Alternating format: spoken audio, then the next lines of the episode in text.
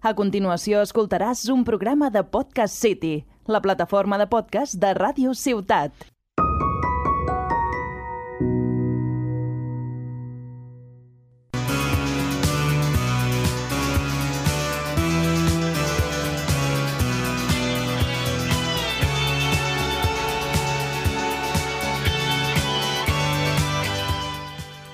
Benvinguts a un nou programa del podcast Parlem del Nàstic.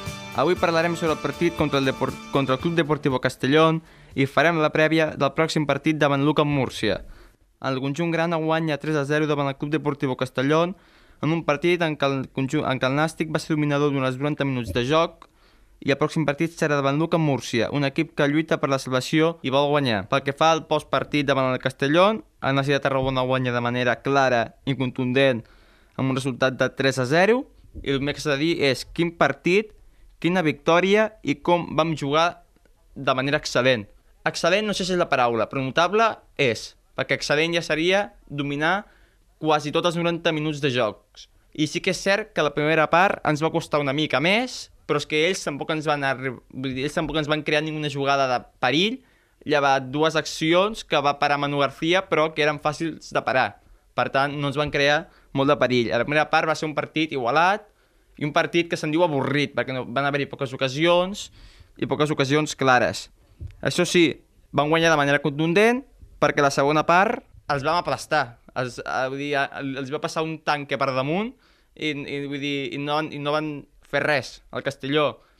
Quan anaven ja perdent 3-0, van fer algun centre, alguna rematada de cap, algun xut de fora l'àrea, però ningú va, va, va entrar, diguéssim, ningú va ningú xut i ningú remat va estar entre els tres pals. Per tant, podem dir que va ser un partit relaxat per Manu García en general. I també va ser relaxat per, Manu, per Manu García perquè la defensa que tenim ara mateix, en aquell partit almenys, va ser d'excel·lent. Un Quintanilla molt bo, un Tirillas que en les ocasions que se'l demanava que estirés al terra, estirava al terra, en les ocasions que se'l demanava que estigués bé per a dalt, es, es, va estar bé per a dalt, va ser, per mi, millor defensa va ser Marc Trilles, després el va acompanyar Joan Muriol, no va fer un mal partit, i el Barran, que aquí sempre l'hem qüestionat, però en aquest partit no el qüestionarem perquè, ho dic, aquí el Barran va fer un bon partit. A mi no m'agrada com a jugador, però el Barran va fer un bon partit. I, i aquí, de, des d'aquí s'ha d'aplaudir que segueixi fent aquests partits, perquè si ho pot fer en aquest partit, també ho pot fer amb els altres. Per tant, sí, per tant, des d'aquí el Barran continua així com aquest partit, i oblida't de les lesions que vas tindre i, i ja aquelles lesions ja no les tindràs més. Per tant, segueix així el Barran perquè va fer un partit bastant espectacular en defensa i donant una assistència en el segon gol, que és el que se'l demanen també. Per tant, fer un partit bastant bo. El primer gol dels tres va ser obra de Dani Romera, a centre de Javi Bonilla. El segon gol també va ser obra del davanter Dani Romera, després d'una jugada molt bona entre Robert Simón, que envia un passe cap al Barran, i el Barran envia un passe, diguéssim, ras cap a la cap a l'àrea, cap al punt de penalti, perquè allí estigui, perquè estigui Dani Romera i torni a marcar un altre cop Dani Romera que seguir l'1-0. Per tant, Robert Simón es va intercanviar. El Barran va funcionar com si fos d'extrem i Robert Simón com si fos el lateral dret. Per tant, diguéssim com que es van girar les posicions i va sobtar a la defensa del Castelló aquesta erupció de Carlos Albarran per la banda dreta, arribant cap a quasi àrea rival. El tercer gol és de Juan Camilo Becerra, després d'aprofitar el penal fallat per Carlos Albarrán.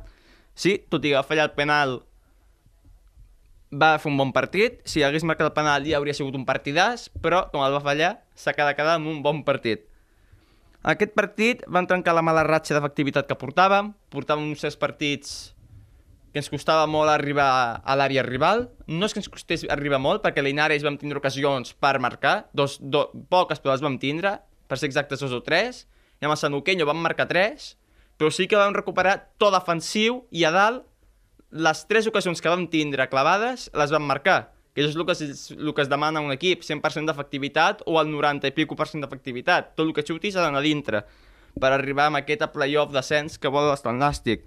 Per tant, va ser un partit, com estic dient, rodó i va ser un partit que vam disfrutar. De defensa, també bastant parial, no va deixar tocar els davanters del Castelló en ningú moment. Mira que el, el, el Castelló, que estava el segon entrenador del Castelló, perquè el primer és Sergi Escobar, que ha renovat fa poc, cosa que ha sobtat molt a la gent de Castelló i als altres, perquè és un equip que porta quatre derrotes seguides i l'han renovat, cosa que sobta molt. A més, estan, estan molt allí, allí... I estan com el Nàstic fa dues setmanes, més pendents de, de cap a baix que de cap a dalt. Per tant, és com que s'han girat les tornes i estan molt qüestionat i tot així el renoven, que ha sigut una... Per, per les aficions de Castelló, podem dir que ha sigut una mica de dir què estan fent? Ens estan arruïnant. Però bueno, nosaltres això no, no, ens, no ens inconvé ni ens importa. El que sí que vam fer nosaltres va ser guanyar-los, que és el que s'havia de fer. Després de molts partits, els aficionats ens mereixem una, una victòria d'aquesta manera. Per tornar a il·lusionar, per tornar a il·lusionar una afició en fer la promoció d'ascens. Estic dient, va ser un partit que jo crec que molts diem ara sí podem lluitar per alguna cosa si, fem, si, si sempre fem aquest partit. Perquè des de fa setmanes enrere que aquest partit no el veiem, aquest nàstic. Perquè la, quan anàvem 3-0 ja era futbol fantasia, intentar fer toques, ruletes, a veure qui sortia per allí, com si fóssim aquí el millor equip del món. No s'ha de fer això perquè tampoc s'ha de xudejar el rival, però com que surt, amb aquell partit ens ataca de mig del camp capital ens, ens sortir tot. El colombià Juan Camilo Becerra va marcar el seu primer gol amb la samarta grana, Juan Camilo Becerra un davanter qüestionat, inclús no pas aficionat, sinó també pel tècnic, que li va dir textualment ha de, ha de baixar, diguéssim, ha, ha de perdre massa, muscu massa corporal, és a dir, li va dir gordo en tota la seva cara, però ell no s'ho va prendre allò com una ofensa, sinó ell s'ho va prendre com, a partir d'aquí, doncs venga. I ara mateix es veu que està amb un to físic molt adient per ser titular, no ho sé, però per jugar molt millor i molt més bé del que estava jugant. I ho va demostrar. Quan va entrar va marcar un gol, sí, va ser d'un rebote del penal fallat de Carlos Albarrán, però s'ha d'estar allí i marcar-lo, perquè Linares el va fallar. Per tant, des d'aquí, educa Murcia a veure si pot fer agrandar aquesta bona ratxa que té perquè segueixi marcant gols i sigui important en els set partits que queden, que queden pocs, eh, ja. Vull dir, se m'ha passat la temporada volant. També vam assistir a un dels pitjors castellons com a futbol de... que recordo en els últims anys. Castelló també és un equip històric, que ha estat a primera, segona, segona B, tercera inclús, igual que el Nàstic, però com a futbol mai l'havia vist tan malament. Vull dir, en els 90 minuts van fer pocs tirs a porta, per no dir que és quasi ningú. Vull dir, van veure un Castelló que no semblava que s'estiguessin jugant al playoff com nosaltres. Vull dir, van veure un Castelló molt fallat, sense ocasions, sense idees del cap... Vull dir, van veure un Castelló molt erràtic i em va sorprendre molt aquesta sortida del Castelló, tot i que la primera part va estar més o menys igualada, però la segona el Nàstic va ser allò una pisonadora i allí no li van treure ningú. El Bonilla va tornar a ser diferencial, amb una gran assistència a Dani Romero en el primer gol. Bonilla és un jugador que no estava fent bon partit, no ho estava fent, estava perdent moltes pilotes, s'estava com xocant amb Joan Oriol tot el rato per aquella banda, no s'estava entenent molt bé, però en sec és, és el que té Bonilla. En sec, des del mig del camp, més cap a la... més cap al més cap a la banqueta del Castelló, en sec, te treu un centre des d'allà, boníssim, que Dani Romera es va llançar en planxa i va marcar el gol.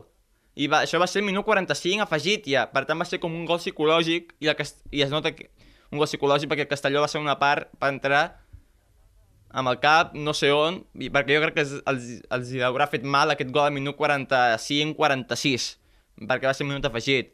Però com sempre Bonilla, pots fer un partit, pot treure un centre d'un sigui o un xut, que, que, que et farà mal segur. I després, Dani Romera és un tio que va estar col·locat molt bé i la va tirar en planxa i va ser imparable pel porter de l'Eurocampos, que és el porter del Castellón. El Nàstic li van xiular un penal a favor a la segona meitat. L'anava a xutar en primera instància Joan Oriol, és el capità, no té mal golpeig, és el, és el contrari, té un molt golpeig. I a més, per jerarquia, el capità li tocava a ell, com va dir Rodagné a la roda de premsa sec, no sé per què, la pilota la va agafar el, Guinea, el, el de Guinea Equatorial i Yannick Buila. Després a Yannick Buila, no sé com la pilota va acabar Carlos Albarrán, que va ser el que finalment va xutar i la va fallar. Aquest espectacle no vull més. Aquí et xuta el capità, que té bon golpeig, i punt. Vull dir, no vull que xuti al, al, al lateral dret perquè ha d'agafar motivació... No, aquí xuta el capità. Aquí hem de fer una llista. Primer Bonilla, no, a Bonilla no se'l treu ningú del punt de penal, això està clar. I després Joan Oriol, que no xuti el que està potser a la, a la, a la, llista, perquè pot passar el que, va, el, que va passar, que la pot fallar. Per tant, aquí hauríem de fer una llista i, i dir qui ha de xutar els penaltis i qui no, perquè si l'ha si de xutar un lateral dret, un lateral dret pot tindre gol, bon, dir, bon golpeig de pilota, però en el cas de Carlos Albarran acostuma a fotre-li fuetades, vull dir, un puntades a, a puntarons a la pilota que duen col·locats però van forts. Prefereixo que l'hagués xutat un Oriol. Per tant, aquest espectacle, si ens piden algun penalti a favor, que espero que sí, no, no, no repeteixi més. Un partit rodó, en resum, un partit rodó que ens permet situar-nos de nou a la promoció d'ascens per tornar a creure que es pot pujar.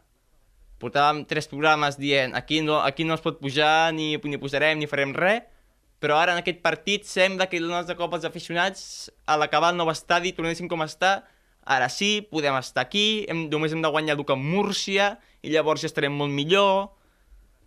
Però les coses encara allí s'estan igualant més perquè Linares ahir va jugar el seu partit aplaçat contra el Betis Deportivo i va guanyar.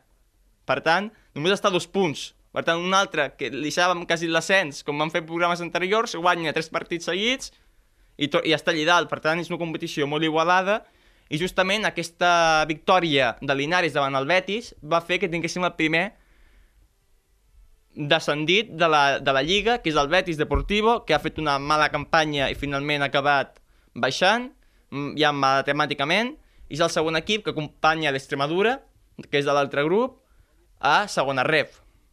Mm, el filial verd i blanc no ha sabut, o no ha sapigut, més ben dit, controlar aquesta nova divisió i li ha vingut gran aquesta divisió al Betis Deportivo, que de fet el dia Betis Deportivo, el Ciudad Deportivo de Sol, va ser on el Nàstic va guanyar el seu primer partit fora a casa.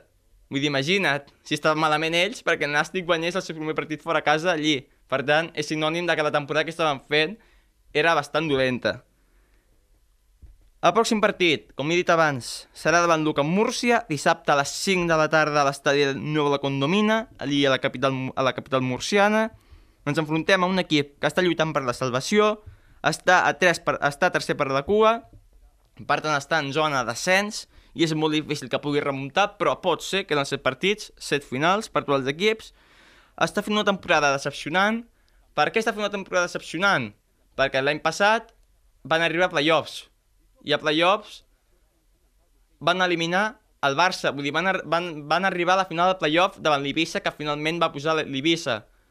Per tant, podem dir que és una temporada decepcionant, perquè hem passat d'estar quasi a segona divisió a passar a, a, a segunda ref. Vull dir, per tant, la temporada que s'esperaven no era la que es tenia, la, la que teníem prevista per, per aquesta temporada. Per tant, per això estem dient, i tots estem d'acord que és decepcionant, inclús els aficionats de Luca em diuen que aquesta temporada està sent bastant decepcionant. Hem de guanyar. Hem de fer un partit per guanyar. I jugar bé. Ens costa un món guanyar i jugar bé a fora lluny del nou estadi. És un partit que no vull veure partits de Linares, ni altres partits que hem vist o Andorra començaments de, de temporada. No vull veure aquell, aquell nàstic que surt a pel 0-0 i empatar. Si sortim a pel 0-0 i empatar, ni que sigui un equip que està baix a la, al pou, per d'una manera, ens, ens guanyarà. Hem de sortir, si podem fotre 10, a fotre 10. Hem de sortir a matxacar, a rotllar. No vull veure un nàstic, ah, no, és que com tenim l'empat, juguem amb Luca, ens confiem, i tenim l'empat i després a la segona part apretem. Si la, si la primera part podem anar guanyant, guanyem. Ara mateix estem a playoff. No fem el primo de tornar a baixar un altre cop cap a baix i tornar a patir a l'última jornada per no sé què. Si podem estar a l'última jornada a playoff, estem a playoff. No vull patir. I això passa per guanyar amb Luca Murcia i guanyar els partits que ens queden. Per tant, Nàstic surt per totes, surt a guanyar, surt a marcar, surt a defendre bé, surt per totes. I a més, hem de guanyar per remarcar i recalcar que som el Nàstic i fer, diguéssim, com, entre comilles, gran, entre cometes, la victòria contra el Castellón, perquè no, no serveix per res guanyar contra el Castellón, que és un rival directe, i després perdre amb un equip que està en descens. Llavors això no, no, no tindria ningun tipus de sentit. Per tant, hem de remarcar aquesta victòria, hem de fer gran aquesta victòria contra el Castellón. Luca Múrcia ha fet dos canvis a les, a les banquetes aquest any. abans, en un primer moment, hi havia Salmerón, després ha passat pel Salva Ballesta i ara està per Aire. Per tant, hi són tres banquetes, són tres, tres entrenadors diferents que han hagut, sinònim de que estan fent una temporada bastant nefasta.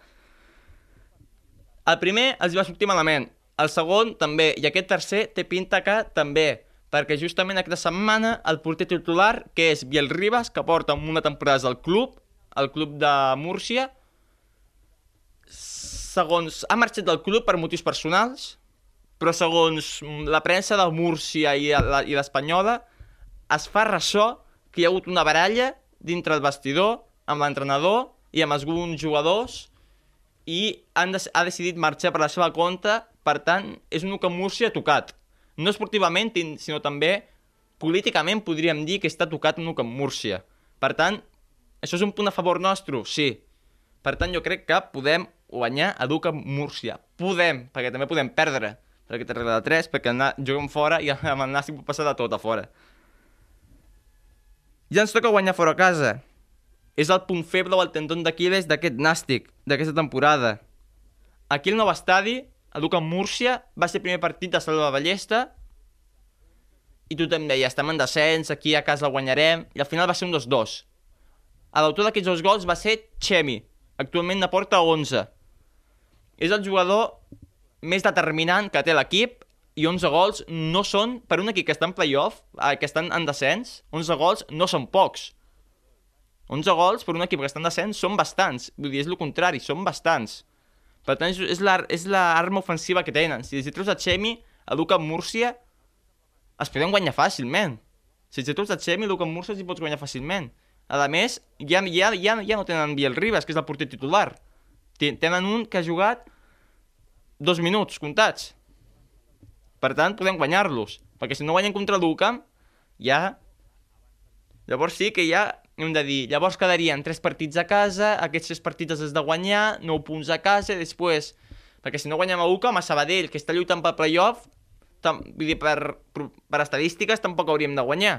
Albacete, que està, està lluitant per la primera posició i per pujar directe, tampoc hauríem de guanyar, perquè si perdem amb l'UCAM... Per tant, per estar en aquesta promoció d'ascens, el primer és guanyar l'UCA avui i guanyar els tres partits de casa. Després el Bacete, intentar rascar l'empat... Bueno, sempre s'ha de sortir a guanyar. A mi això de la mitjana anglesa m'ha agradat, eh? De, de sortir 0-0, ni d'allò. Sem sempre s'ha de sortir a guanyar, però i els aquí a casa obligatòriament guanyar. Els aquí, els aquí a casa sí o sí és obligatòriament sortir a guanyar. Yannick Buila, torna al, ser, torna al camp on va jugar la temporada passada. Eh, Yannick Buila és, és propietat del Saragossa. L'any passat va estar seguit a Duca Múrcia, on va fer una gran temporada, i d'aquí al Nàstic, que l'hagués fitxat aquest any. Que també és, tot i encara és propietat del Real Zaragoza. Yannick Buila. Ara, de Yannick Buila, recordant, el partit contra el Castelló no va fer malament, sinó va fer bastant bé com a l'equip en general contra el Castelló. Yannick Buila se li va veure com més associatiu, sí que moltes vegades el que Yannick Buila és massa individualista, però el vaig veure un Yannick Buila molt més associatiu, intentant buscar el cos a cos, les faltes, per tant vaig veure un Yannick Buila que vull veure en aquest final de temporada i per això va demostrar que el Nàstic el va fitxar, per fer, per, per fer aquests partits contra Castellón, no per jugar partits com els que va fer, per exemple, a Linares, a l'Andorra, ni, ni bla, bla, bla, uns partits que ha fet el Nàstic aquesta temporada de dolents. Vull, vull veure el Yannick Bulla del Castellón, un Yannick Bulla que té qualitat. Passa que l'ha de demostrar aquesta qualitat. Aquesta qualitat no només es demostra segona, perquè per arribar a segona i primera has de demostrar qualitat a baix primer. Així és com han arribat tots els futbolistes. Per tant, Yannick Buila, tens qualitat, demostra en aquests set partits que queden i ja podràs créixer, ja en el Saragossa, però primer, en aquests partits que queden, vull que ho donguis tot el camp, com ho vas donar al Castelló. La porra no la diré. No, no la vaig dir a Castelló, van guanyar. Per tant, seguirem sense dir res, no agafarem. L'alineació titular. Manu García titular, porter indiscutible, Joan Oriol, Trillas, Quintanilla... Fico el Barran, tot i que Pol Domingo... M'agradaria que jugués Pol Domingo. El que és que si ficar el Barran... Si ficam el Barran seria donar-li continuïtat i podria estar més confiat en ell. Però si el camp pel domingo potser és... Hòstia, porto, tot, porto, porto, tot, porto, porto tota la temporada jugant bé perquè ara el Barran faci un bon partit, no, no, vull dir, no, no, no, no em fico a la banqueta. És difícil. Aquí podríem ficar el Barran o pel Domingo. No, no m'enfadaré si, si ficaven el Barran com fa tres jornades. A mig del camp, Bonilla titular, indiscutible. Yannick Buila li donaria continuïtat a Yannick Buila. Robert Simón el deixaria a la banqueta i ficaria mig del camp a Ribelles i Perro del Campo. I a dalt ficaria Dani Romera, actualment si va marcar dos gols contra el Castellón pot estar enratxat i pot marcar més gols. I Pablo Fernández el ficaria descansant i ficaria potser a un Juan Camilo Becerra per, per tornar-hi aquesta continuïtat i tindre Dani Romera i Juan Camilo Becerra a la, com a dues referències atacants. Per tant, des d'aquí, aquesta, aquesta jo crec que serà la meva alineació, tot i que es poden haver-hi Elias Pérez per Ribelles, vull dir, perdó, Ribelles per Elias Pérez, pots canviar així. I ara també, parlant del partit contra el Castellón, que m'hi... és una cosa important que me l'he deixat, per fi Raúl Agné va de canviar de sistema. Per fi. Hem d'aplaudir Raúl Agné. Canvia de sistema i guanyem 3-0 de manera clara i contundent. Per fi, Raúl Agné, ens has fet cas a tots els aficionats i has canviat el sistema. Canviant el sistema també pots guanyar. No, no, no cal només amb la 4-4-2 i Robert Simón a córrer. També podem fer. Robert Simón va estar, va estar descansant, va entrar a la segona part. En canvi, quan tenies Yannick Buila, Elias Pérez i Bonilla, la cosa funcionava millor enmig del camp. Pues, potser funciona millor, potser la clau és aquesta, ficar Yannick Buila una mica allí per la banda perquè és que tu quan ficaves Yannick Buila ficaves com a, com a mitja punta, com a davanter. Yannick Buila és un migcampista interior. No, no li donaràs més. O un migcampista defensiu també t'ho podríem ficar. Potser aquesta és la clau. No fiquis tant els teus jugadors preferits, perquè els teus jugadors preferits, com Robert Simon, revulsiu també va bé, perquè no, perquè no l'hem vist de revulsiu a Simon, perquè sempre ha jugat tot de titular però per fi l'ha canviat aquesta tàctica, la, la tàctica i la tècnica. Ha seguit amb la 4-4-2, d'acord, però almenys ha canviat jugadors. I estic content de Rolagné en el partit que va fer. Per fi ha canviat alguna cosa. Rolagné des d'aquí t'hem d'aplaudir. Per tant, Rolagné segueix així, canviant... No canvi res al partit contra el Lucam. Mm, al partit contra el Lucam no entrevis un altre cop a Robert Simon i fem el mateix de sempre. Si aquesta línia ha funcionat, segueix així. Si perdem o fem malament, tornem a fer, a fer moviments. Però no sempre la mateixa, perquè si no després ens passarà el que ens ha passat, que no volem tornar a recordar. I fins aquí un dia més, al programa del podcast Parlem del Nàstic.